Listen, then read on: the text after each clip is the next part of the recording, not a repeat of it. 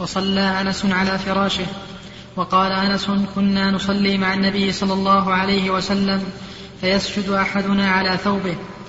حدثنا إسماعيل قال حدثني مالك عن أبي النضر مولى عمر بن عبيد الله بن أبي سلمة بن عبد الرحمن عن عائشة زوج النبي صلى الله عليه وسلم أنها قالت كنت أنام بين يدي رسول الله صلى الله عليه وسلم ورجلاي في قبلته فإذا سجد غمزني فقبضت رجلي فإذا قام بسطتهما قالت والبيوت يومئذ ليس فيها مصابيح.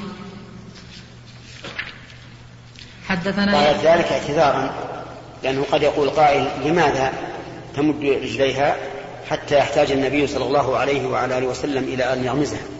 لماذا لم تكفهما فبينت هذا العذر لئلا تتهم بهذه التهمة.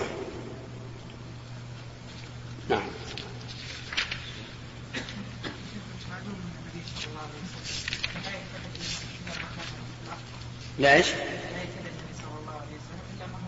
نعم.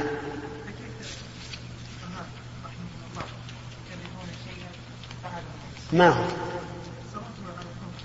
ما كرهوا ما كرهوا كرهوا أن يخص جبهته بما يسجد عليه. يجعل شيء بقدر الجبهة يسجد عليه. لا يكون واسع بعضها إلى تسع اليدين والجبهة والأنف وبعضها للأنف والجبهة. نعم. بالنسبة إلى خشوع وتذلل لله سبحانه وتعالى بين الأرض وبين بين الفراش ما يتناسب. لأن لأن الأرض صحيح لا بأس لكن هذا لعله لعذر والمقصود جواز الصلاة على الفراش لا إنها هي والأرض سواء هذا مقصود البخاري رحمه الله نعم نعم نعم الحديث عن النبي عليه الصلاة والسلام يقطع صلاة الرجل المسلم آه إذا لم يكن بين يديه مثل مقولة الرحل المرأة والكلب والحمار. نعم. وهنا في الحديث عائشة رضي الله عنها كانت في قبلة النبي عليه الصلاة والسلام. نعم. ليست مارة هي ليست مارة ولكنها نائمة وفرق بين المرور وبين النوم. نعم. حدثنا يحيى بن بكير قال حدثنا الليث عن عقيل عن ابن شهاب قال أخبرني عروة أن عائشة أخبرت أن رسول الله صلى الله عليه وسلم كان يصلي وهي بينه وبين القبلة على فراش أهله على فراش على فراش أهله اعتراض الجنازة. حدثنا عبد الله بن يوسف قال حدثنا الليث عن يزيد عن عراك عن عروة أن النبي صلى الله عليه وسلم كان يصلي وعائشة معترضة بينه وبين القبلة على على الفراش على الفراش الذي ينامان عليه. هذا فيه دليل على جواز الصلاة على الفراش وفيه أيضا دليل على أن فراش المرأة وزوجها واحد لقولها الفراش الذي ينامان عليه وهذا هو السنة والأفضل والأكمل والأقرب للفهم. أن يكون فراش الرجل وامرأته واحدا خلافا للمترفين التالفين الذين يدعون أن المرأة تكون في فراش وحدها والرجل في فراش وحده. وما علموا أن الله قال هن لباس لكم وأنتم لباس لهن. وأي شيء أدنى من لباس الإنسان إليه. لكن هؤلاء لا يعرفون من السنة شيئا ويجعلون الأمور تابعة لأذواقهم. على كل حال في هذا دليل على أن اعتراض الإنسان بين يدي المصلي لا يضر لا سيما مع الحاجة لأن بيت رسول الله صلى الله عليه وعلى آله وسلم كان صغيرا. نعم. من سأل نعم. سلام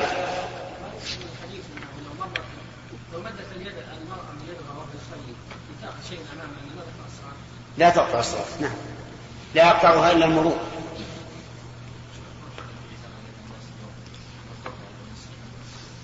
لا هذه ما يستقر عليها الإنسان.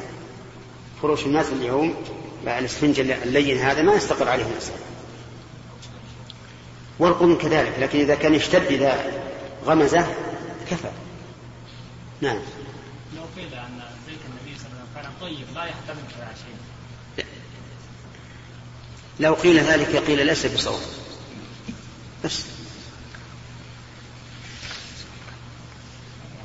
حين يقول هاتوا المخطب ويملأ ويغتسل ويقوم ويغمى عليه. واصل لكن عاد ليس كساعة بيوتنا الآن. نعم. باب السجود على الثوب في شدة الحر. وقال الحسن كان, كان القوم يسجدون على العمامة والقلنسوة كان القوم يسجدون على العمامة والقلنسوة ويداه في كمه. حدثنا أبو الوليد هشام بن عبد الملك قال حدثنا بشر بن المفضل قال حدثني غالب القطان عن بكر بن عبد الله عن أنس بن مالك قال كنا نصلي مع النبي صلى الله عليه وسلم فيضع أحدنا طرف الثوب من شدة الحر في مكان السجود. وفي هذا البحث والمبحث قال العلماء إن كان الحائل من أعضاء السجود فالسجود غير صحيح. وإن كان من مما يستر به المرء عورته في صلاته فالسجود عليه مكروه إلا لحاجة. وإن كان بائنا فلا بأس به كما لو وضع الإنسان منديلا أو نحو ذلك فلا بأس به. ما لم يفعل ذلك تعاظما في نفسه فإنه قد يكون آثما. نعم.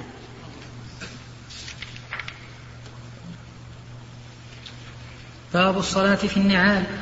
حدثنا آدم بن أبي إياس قال حدثنا شعبة قال أخبرنا أبو مسلمة سعيد بن يزيد الأزدي قال سألت أنس بن مالك أكان النبي صلى الله عليه وسلم يصلي في نعليه؟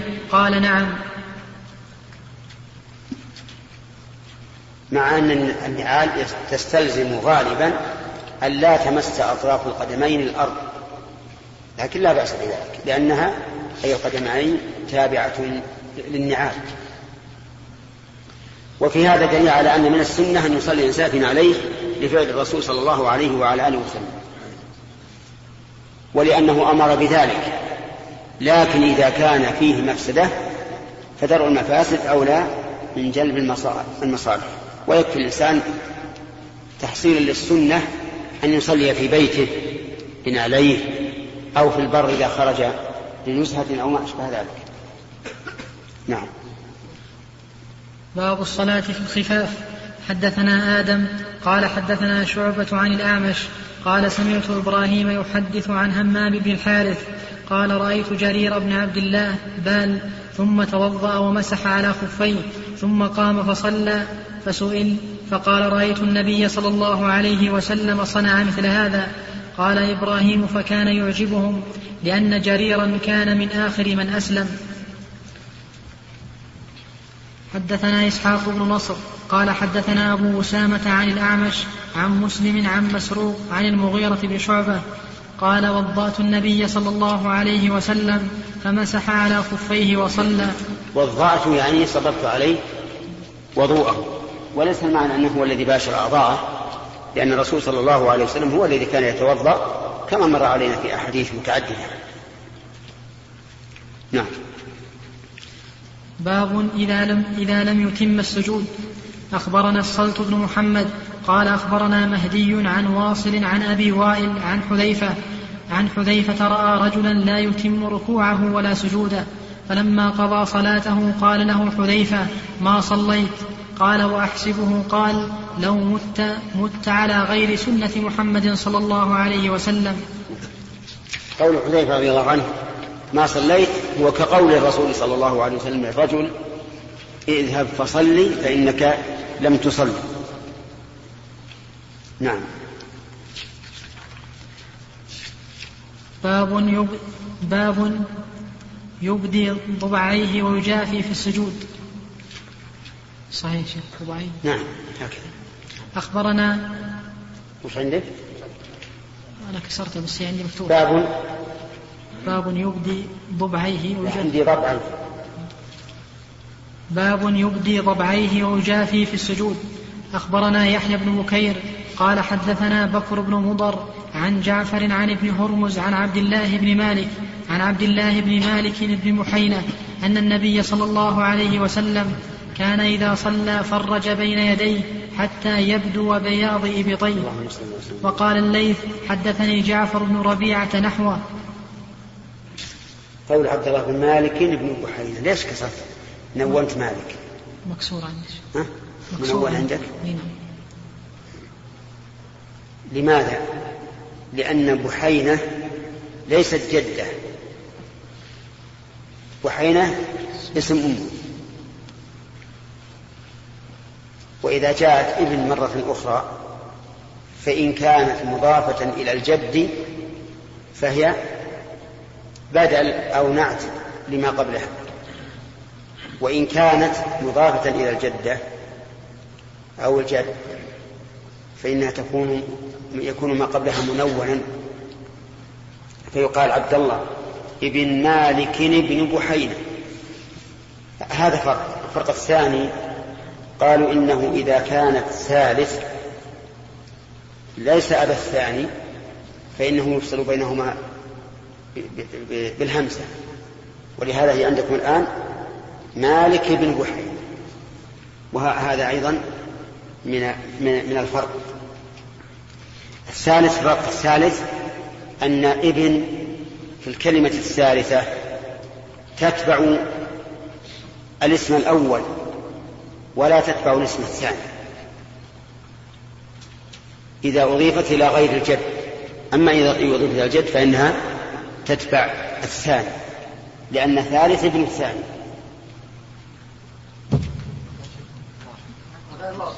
لا إله إلا الله. هاتوا لنا رجلا منسوبا إلى أبيه وجده. ها؟ طيب عمرو ابن شعيب. ابن محمد. تقول روى عمرو بن شعيب بن محمد.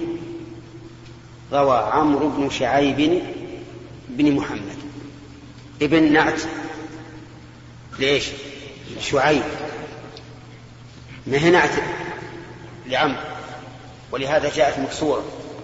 وليس بينها وبين شعيب همزة وصل. صح؟ وشعيب غير منونة ابن شعيب ابن شعيب بن محمد غير منون وهذا رجل له أب وأم فنسبناه إلى أبيه وأمه. فقلنا قال عمرو ابن شعيب ابن ابن فاطمة. قال عمرو بن شعيب ابن فاطمة. عمرو بن شعيب ابن فاطمة. ماذا عملنا؟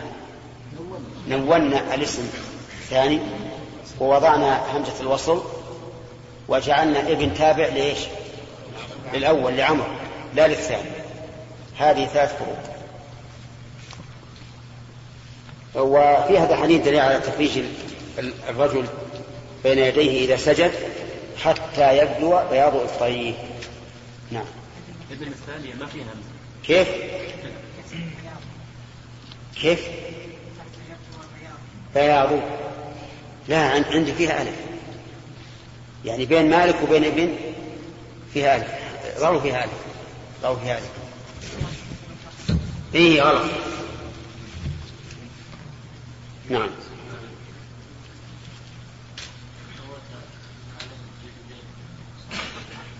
إيش؟ نعم. نعم. اي لا بأس. لكن بس إننا نخشى أن العوام تقتدي ولا تقتدي. نخشى أن العوام يدخلون بنعالهم وهي ملوثة حتى يصلوا إلى السقف وقد حدثتكم عني سابقا. إيش؟ أني صرت أصلي في النعلين وكان الناس يهابون أن يدخلوا المساجد بنعالهم فلما صرت أصلي فيها وتكلمت فيها أيضا في الخطبة لما رأيت بعض الناس شوش بدأ العوام يدخلون في نعال بنعالهم وهي ملوثة من روث الحمير وغيره. في ذلك الوقت الحمير موجودة يحمل عليها. ملوثة فإذا وصلوا إلى الصف خلعوها. فصار أتوا بالمضرة ولم يأتوا بالسنة فرأيت أن الأفضل ترك فتركها. نعم ثلاثة. خلينا ثلاثة. كم خلينا كيف؟ طيب تفضل.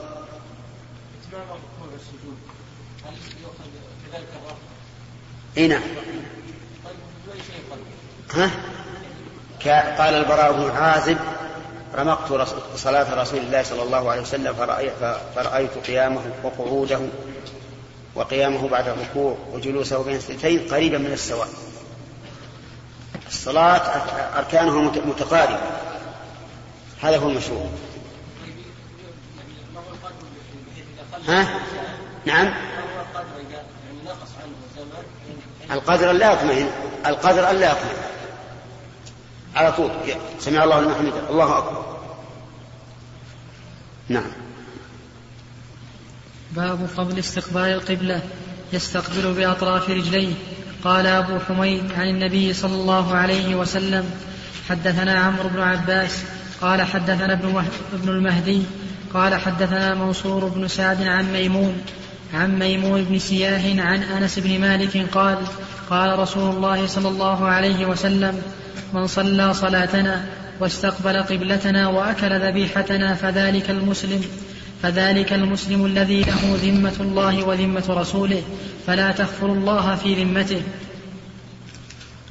أعد أعد أعد حدثنا عمرو بن عباس حدثنا عمرو بن عباس قال حدثنا ابن المهدي قال حدثنا منصور بن سعد عن ميمون بن سياه عن أنس بن مالك قال قال رسول الله صلى الله عليه وسلم من صلى صلاتنا واستقبل قبلتنا وأكل ذبيحتنا فذلك المسلم الذي له ذمة الله وذمة رسوله فلا فلا تغفر الله في ذمته. تخفر الله. فلا تغفر الله في ذمته. الشاهد من هذا قولك قوله واستقبل قبلتنا واستقبال القبلة استقبال القبلة واجب بل من شروط الصلاة. وكان النبي صلى الله عليه وعلى آله وسلم أول ما قدم المدينة يستقبل بيت المقدس. فيجعل الكعبة عن خلف ظهره وبيت المقدس أمامه. وبقي على ذلك نحو ستة عشر شهرا. وكان صلى الله عليه وعلى آله وسلم يحب أن يستقبل الكعبة. فكان يتقلب بصره في السماء ينتظر الوحي الوحي. حتى نزل عليه قول الله تعالى قد نرى تقلب وجهك في السماء فلنولينك قبلة ترضاها فول وجهك شطر المسجد الحرام. فنسخت. القبلة من بيت المقدس إلى الكعبة. وقد ذكر شيخ الإسلام رحمه الله أن القبلة أن الكعبة هي القبلة للأنبياء كلهم. إلا أن اليهود والنصارى غيروا فكانت النصارى تستقبل المشرق واليهود يستقبلون بيت المقدس. نعم. الترجمة يقول يستقبل بأطراف رجليه إي نعم. يعني معناه إذا إذا سجد فإنه يستقبل بأطراف رجليه القبلة. عند القيام عندما يكون قائما هل السنة أن يجعل إي نعم. السنة أن يجعل قدميه مستقبلة القبلة في القيام. لا يخليها هكذا بعض الناس يقول هكذا وبعضهم يقول هكذا. خليها متساوية.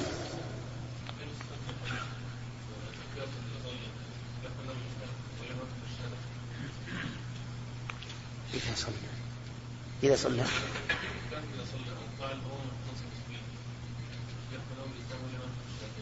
صلاة صلاة وصلاتنا تجاه لكن مجرد التزامه بالصلاة يدل على أنه مسلم. نعم. إيش؟ اي اي لا. لا يصومون التطوع. اي ما هو التطوع. يصومونه أيضا عبارة يجدون النشاط والقوه لأن الصوم فيه. نعم. نعم. ما يدل على أنها ليست واجبة. سيأتينا إن شاء الله تراجم أخرى والواجب فيه فضل بل الفضل الواجب أفضل من فضل المستحب. كما جاء في الحديث الصحيح ما تقرب إلي عبدي بشيء أحب إلي مما افترضت عليه. نعم. حدثنا نعيم قال حدثنا ابن المبارك عن حميد الطويل عن انس عن أنس بن مالك قال قال رسول الله صلى الله عليه وسلم أمرت أن أقاتل الناس حتى يقولوا لا إله إلا الله فإذا قالوها وصل وصلوا صلاتنا وصل وصلوا صلاتنا واستقبل واستقبلوا قبلتنا وذبحوا ذبيحتنا فقد حرمت علينا دماؤهم وأموالهم إلا بحقها وحسابهم على الله. الشاهد قوله واستقبلوا. قبلتنا نعم. وش الضم؟ ها؟ لا صلوا. صلوا في الأمر.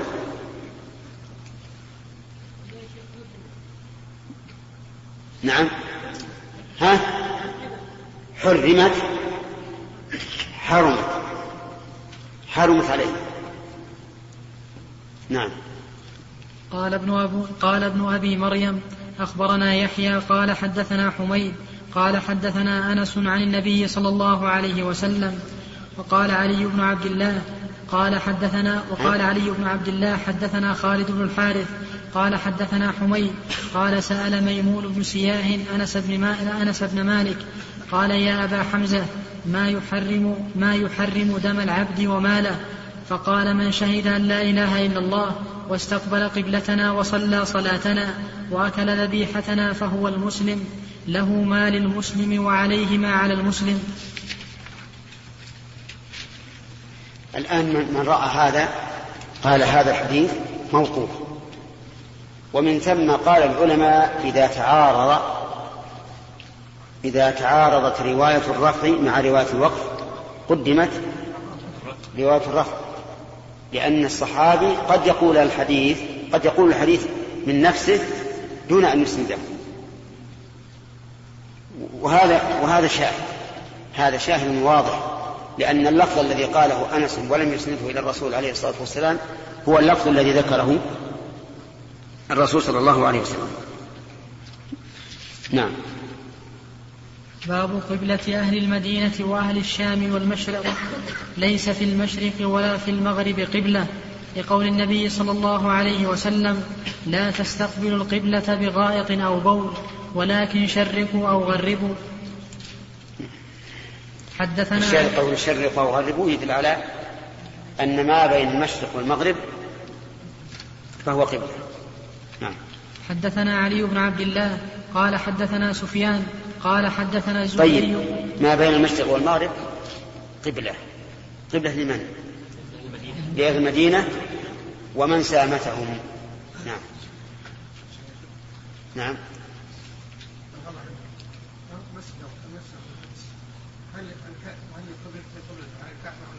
كيف؟ خلف الكعبة بالضبط. خلف الكعبة بالضبط. يعني إذا استقبلت بيت المقدس كانت الكعبة خلف ظهرك. وإن استقبلت الكعبة كان بيت المقدس خلف ظهرك. نعم.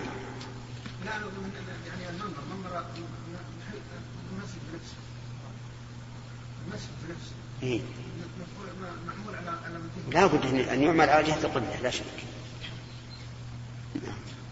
حدثنا علي بن عبد الله قال حدثنا سفيان قال حدثنا الزهري عن عطاء بن يزيد عن أبي أيوب الأنصاري أن النبي صلى الله عليه وسلم قال إذا أتيتم الغائط فلا تستقبلوا القبلة ولا تستدبروها ولكن شرقوا أو غربوا.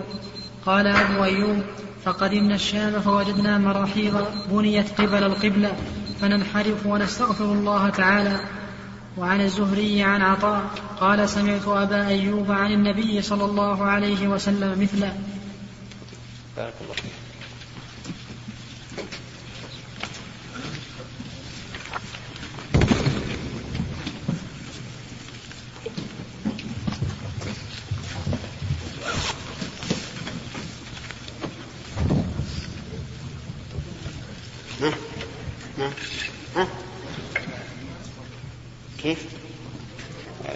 جديدا؟ انت في مر البيت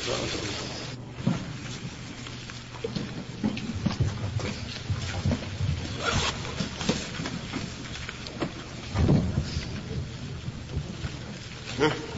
ها؟ ها؟ كيف؟ جديدا انت في مر البيت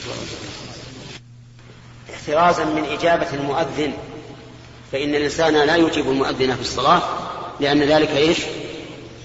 يشغله. نعم. عبد الله؟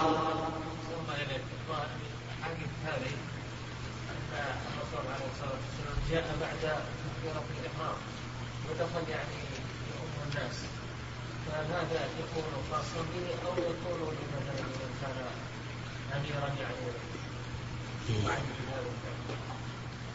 فهمت سؤاله هذا عام.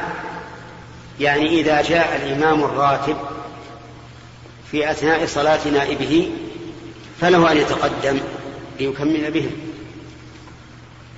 ولكن إذا كان قد فاته شيء من الصلاة فماذا يصنع؟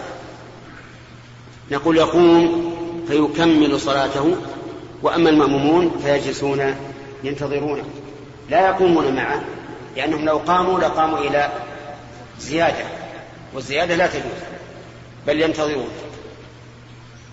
فلو فلو فرضنا أنه فاته اثنتان من الرباعية نقول إذا تشهد التشهد الأول يقوم ثم هم يبقون منتظرين له. نعم. لا الأفضل لا يسلم يا شيخ يعني يجوز رفع يديه الصلاة؟ إذا حمد الله الصلاة يعني يجوز رفع يديه. أي هذا أبو بكر فعله. فعله وأقره النبي صلى الله عليه وسلم. نعم.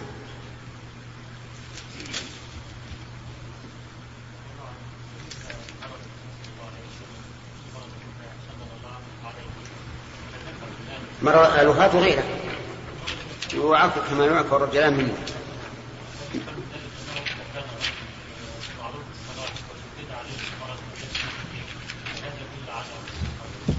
ربما ربما يدل على هذا. الرسول عليه الصلاة والسلام ابتلي بهذا ليتم له مقام الصبر. لأن مقام الصبر مقام عالي يحتاج إلى أمر يصبر عليه. وليقرأ بندر. بسم الله الرحمن الرحيم. والصلاة والسلام على نبينا محمد وعلى آله وصحبه أجمعين.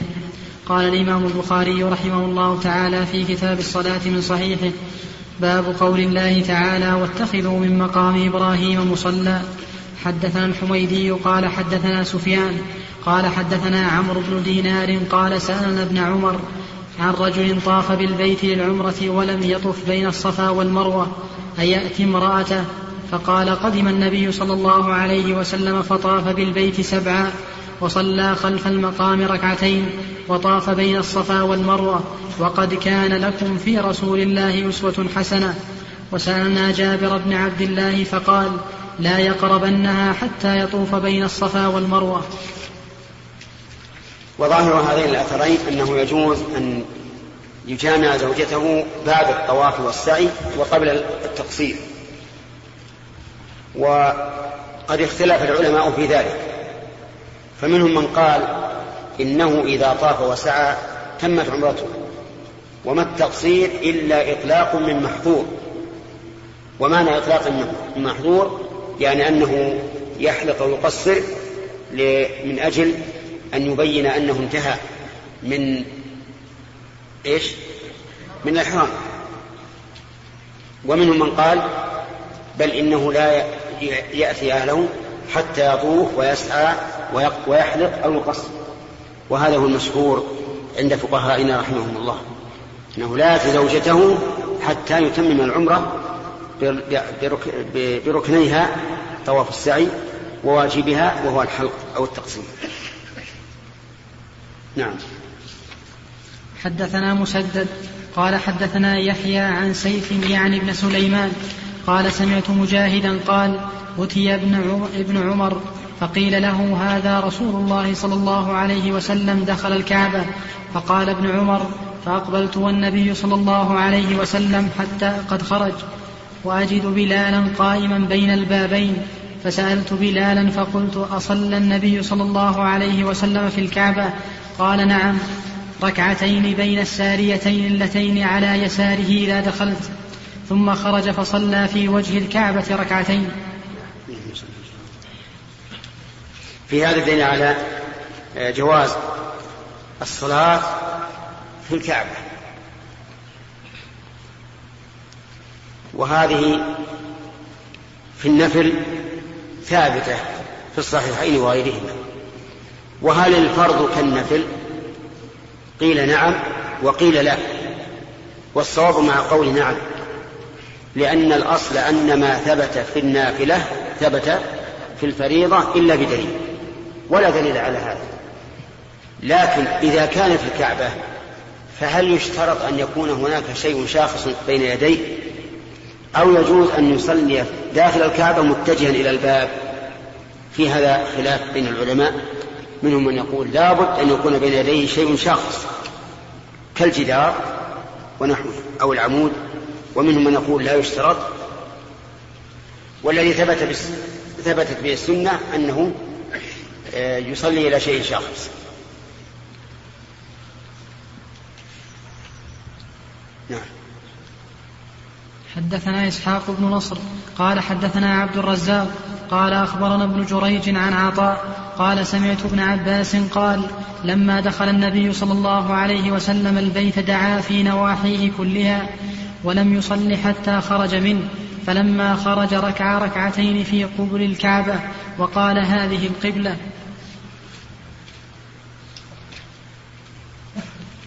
الترجمة باب قول الله تعالى واتخذوا من مقام إبراهيم مصلى. فأين الشاهد في الحديثين؟ نعم. نعم. لكن من مقام كان إيش؟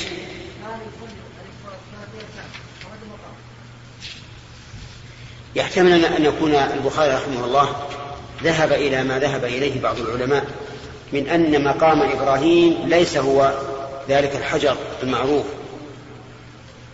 أو أنه ذهب إلى ما قيل في التاريخ أن مقام إبراهيم كان لاصقا بالكعبة وأنه, وأنه اتخذ من مقامه مصلى وهو متجه إلى الكعبة. أما في مكانه الآن فمن المعلوم أنه ليس لاصقا بالكعبة. وقد قيل إن هذا هو الصحيح أي أن المقام كان في الأول لاصقا بالكعبة وفي زمن عمر بن الخطاب رضي الله عنه رأى تأخيره إلى هذا المكان.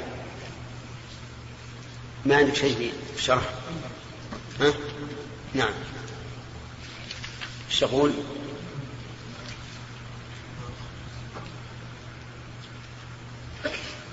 قوله هذه القبلة. قوله هذه القبلة الإشارة إلى الكعبة قيل المراد بذلك تقرير حكم الانتقال عن بيت المقدس وقيل المراد أن حكم من شاهد البيت وجوب مواجهة عينه جزما بخلاف الغائب وقيل المراد أن الذي أن الذي أمرتم باستقباله ليس هو الحرم ليس هو الحرم كله ولا مكة ولا المسجد الذي حول الكعبة بل الكعبة نفسها أو الإشارة إلى وجه الكعبة أي هذا موقف الإمام. ويؤيده ما رواه البزار من حديث عبد الله بن حبشي الخثعمي قال رأيت رسول الله صلى الله عليه وسلم يصلي إلى باب الكعبة وهو يقول أيها الناس إن الباب قبلة إن الباب قبلة البيت وهو محمول عن الندب لقيام الإجماع على جواز استقبال البيت من جميع جهاته والله أعلم. ها؟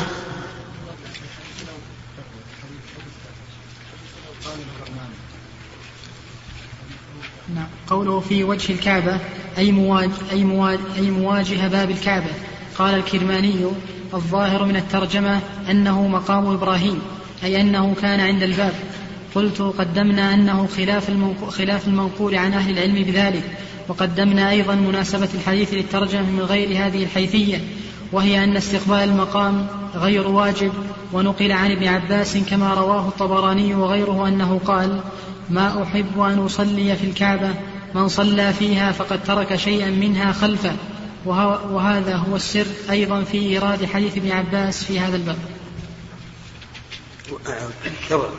يمكن في أول الكتاب ها؟ إيه في أول البداية. هي الترجمة. نقرأ الباب من الأول. هي الترجمة واتخذ من مقام إبراهيم مصلى قال ابن حجر رحمه الله تعالى قوله باب قول قوله تعالى واتخذوا من مقام إبراهيم مصلى وقع في روايتنا واتخذوا بكسر الخاء. على الأمر وهي إحدى القراءتين والأخرى بالفتح على الخبر والأمر دال على الوجوب. لكن انعقد إجماع على جواز الصلاة إلى جميع جهات الكعبة فدل على عدم التخصيص. وهذا بناء على أن المراد بمقام إبراهيم الحجر الذي فيه أثر القدمين. نعم الحجر الحجر الذي فيه أثر القدمين وهو موجود إلى الآن. وقال مجاهد المراد ونقول أيضا هو موجود إلى الآن. نعم. وقال مجاهد المراد بمقام إبراهيم الحرم كله والأول أصح وقد ثبت دليله عند مسلم من حديث جابر وسيأتي عند المصنف عند المصنف أيضا. قوله قوله مصلى أي قبلة قاله الحسن البصري وغيره وبه يتم الاستدلال. وقال مجاهد أي مدعا يدعى أي مد أي مدعى أي مدعى يدعى عنده. أي مد مدعا أي مدعى يدعى عنده. ولا يصح حمله على مكان الصلاة لأنه لا يصلى فيه بل عنده. ويترجح قول الحسن بأنه جار على المعنى الشرعي واستدل المصنف على عدم التخصيص أيضا بصلاته صلى الله عليه وسلم داخل الكعبة. فلو تعين استقبال, استقبال المقام لما صحت هناك لأنه كان حينئذ غير مستقبله, غير مستقبله. وهذا هو السر في إيراد حديث ابن عمر عن بلال. واستدل المصنف على عدم التخصيص أيضا بصلاته صلى الله عليه وسلم داخل الكعبة. فلو تعين استقبال المقام لما صحت هناك لأنه حينئذ غير مستقبله. وهذا هو السر في إيراد حديث ابن عمر عن بلال في هذا الباب. وقد روى الأزرقي في أخبار مكة بأسانيد صحيحة أن المقام كان في عهد النبي صلى الله عليه وسلم وأبي بكر وعمر في الموضع الذي هو, في هو فيه الآن. حتى جاء حتى جاء سيل حتى جاء سيل في خلافة عمر فاحتمله حتى وجد, حتى وجد بأسفل مكة. فأتي به فربط إلى أستار الكعبة حتى قدم عمر فاستثبت فاستثبت في أمره حتى تحقق نعم. فاستثبت في أمره حتى تحقق موضعه الأول فأعاده إليه وبنى حوله فاستقر ثم إلى الآن. قوله طاف بالبيت العمرة كذا للأكثر وللمستملي والحموي طاف بالبيت لعمرة لحذف اللام من قوله العمرة ولا بد من تقديرها ليصح الكلام. نعم انتهى. نعم طيب. الخلاصة أن كون الرسول عليه الصلاة والسلام صلى في الكعبة ثم صلى إلى وجه الكعبة يدل على أنه لا يشترط أن يتخذ من مقام إبراهيم المصلى وأنه لو صلى في غير ذلك لكان جائزا. ولكن الرسول صلى الله عليه وسلم في حجة الوداع لما قضى من الطواف تقدم إلى مقام إبراهيم فقرأ واتخذوا من مقام إبراهيم مصلى. فهذا دليل على أن المراد بالمقام هذا هذا الحجر وأن المراد بكونه مصلى أن يصلي خلفه. فينزل كل نص على محله نعم.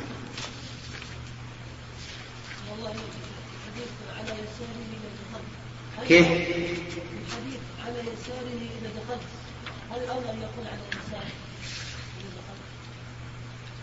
أي نعم. قول على يساره بين السالتين اللتين على يساره. على يسار الداخل. وقول إذا دخلت هذا يسمى عندهم باب الالتفات.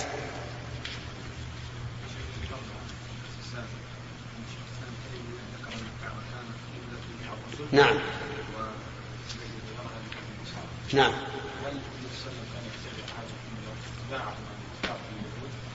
اي نعم موافقة لليهود. نعم.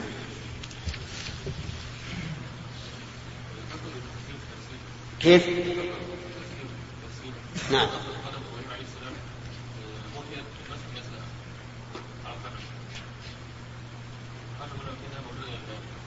الحجر. الحجر موجود الآن أما الأثر فقد انمحى من زمان. لكن قصيدة أبي طالب اللامية المشهورة تدل على أنه باق أثره حيث قال وموطئ إبراهيم في الصخر رطبة على قدميه حافيا غير ناعل اللهم إلا, إلا أن يكون مراد أبي طالب رطبة يعني في الأصل وأنها انمحت فيما بعد. لكن الآن الذي يشاهد من خلف الزجاج يجد أن هناك موضع كأنه موضع قدم وهذا مصنوع. نعم. ثلاث. باب التوجه نحو القبلة حيث كان. وقال أبو هريرة قال النبي صلى الله عليه وسلم. نعم. كيف؟ أي نعم مصنوع القدم قدم المشاهد مصنوع. نعم. باب التوجه نحو القبلة حيث كان. وقال أبو هريرة قال النبي صلى الله عليه وسلم استقبل القبلة وكبر. حدثنا عبد الله بن رجاء قال حدثنا إسرائيل عن أبي إسحاق عن البراء بن عازب رضي الله عنهما قال كان رسول الله صلى الله عليه وسلم صلى نحو بيت المقدس ستة عشر أو سبعة عشر شهرا. وكان رسول الله صلى الله عليه وسلم يحب أن يوجه إلى الكعبة فأنزل الله قد نرى تقلب وجهك في السماء فتوجه نحو الكعبة. وقال السفهاء من الناس وهم اليهود ما ولاهم عن قبلتهم التي كانوا عليها قل لله المشرق والمغرب يهدي من يشاء إلى صراط مستقيم.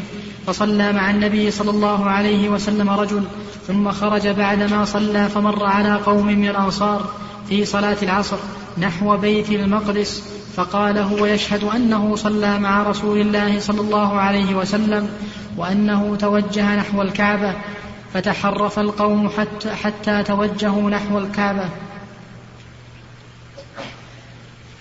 وهذه غير قضية قباء لأن قضية قبلاء قباء أدركهم في صلاة الفجر وهذا في صلاة العصر. ويقال إن المسجد الذي في المدينة ويقال له مسجد مسجد القبلتين. يقال إنه هذا هو الذي صار فيه الانحراف والله أعلم. في هذا الحديث فوائد. أولا كون الرسول عليه الصلاة والسلام صلى نحو بيت المقدس ستة عشر أو سبعة عشر شهرا هذا موافقة لمن؟ لأهل الكتاب. حتى كان يسل رأسه دون أن يفرقه. موافقة لأهل الكتاب وتحببا إليهم ثم فيه حكمة أخرى وهو عدول الرسول عليه الصلاة والسلام عن ذلك إلى الثابت أخيرا. يدل دلالة واضحة على أنه عبد مأمور ورسول مرسل وأنه لا يتبع هواه وإنما يتبع ما أنزل إليه. ولو كان يتبع هواه لأحب أن يكون على وتيرة واحدة لئلا يقال إنه إيش؟ متناقض. وفي قوله تعالى قد نرى تقلب وجهك في السماء ولم يقل قد رأينا. هذا مراعاة لحكاية الحال. يعني كأنه الآن يرى مع أنه أمر سابق. وفي هذه الآية دليل على أن الرسول صلى الله عليه وسلم كان يحب أن يوجه إلى الكعبة لأنها أول بيت وضع للناس. وفيه دليل على أن المصلي إذا تبين له القبلة في أثناء الصلاة وجب عليه الانحراف. ولو كان انحرافا تاما فإن هؤلاء انحرفوا انحرافا تاما جعلوا ظهورهم نحو بيت المقدس ووجوههم نحو, نحو الكعبة. وفيه دليل على جواز العمل بخبر الواحد. لأن هؤلاء انحرفوا. لم يقولوا والله ما يمكن أن ننحرف لأن الأصل بقاء ما كان على مكان. نقول إذا كان المخبر عدلا ثقة فإنه يقبل قوله بخلاف الشهادة في الأموال لأنها حقوق آدميين مبنية على الشح يدل على التثبت والتأكد. وفيه أيضا أن من اجتهد ثم تبين له الخطأ في أثناء الصلاة وجب عليه إيش؟ إيش؟ أن ينحرف وأنه لا يضره ما حصل. وأما من صلى بدون اجتهاد ثم جاءه رجل وقال القبلة أمامك آه، القبلة عن يمينك أو وراك فإنه يستأنف الصلاة من جديد. لأنه لم يشعر ولم يتحرى ولم يسأل. نعم.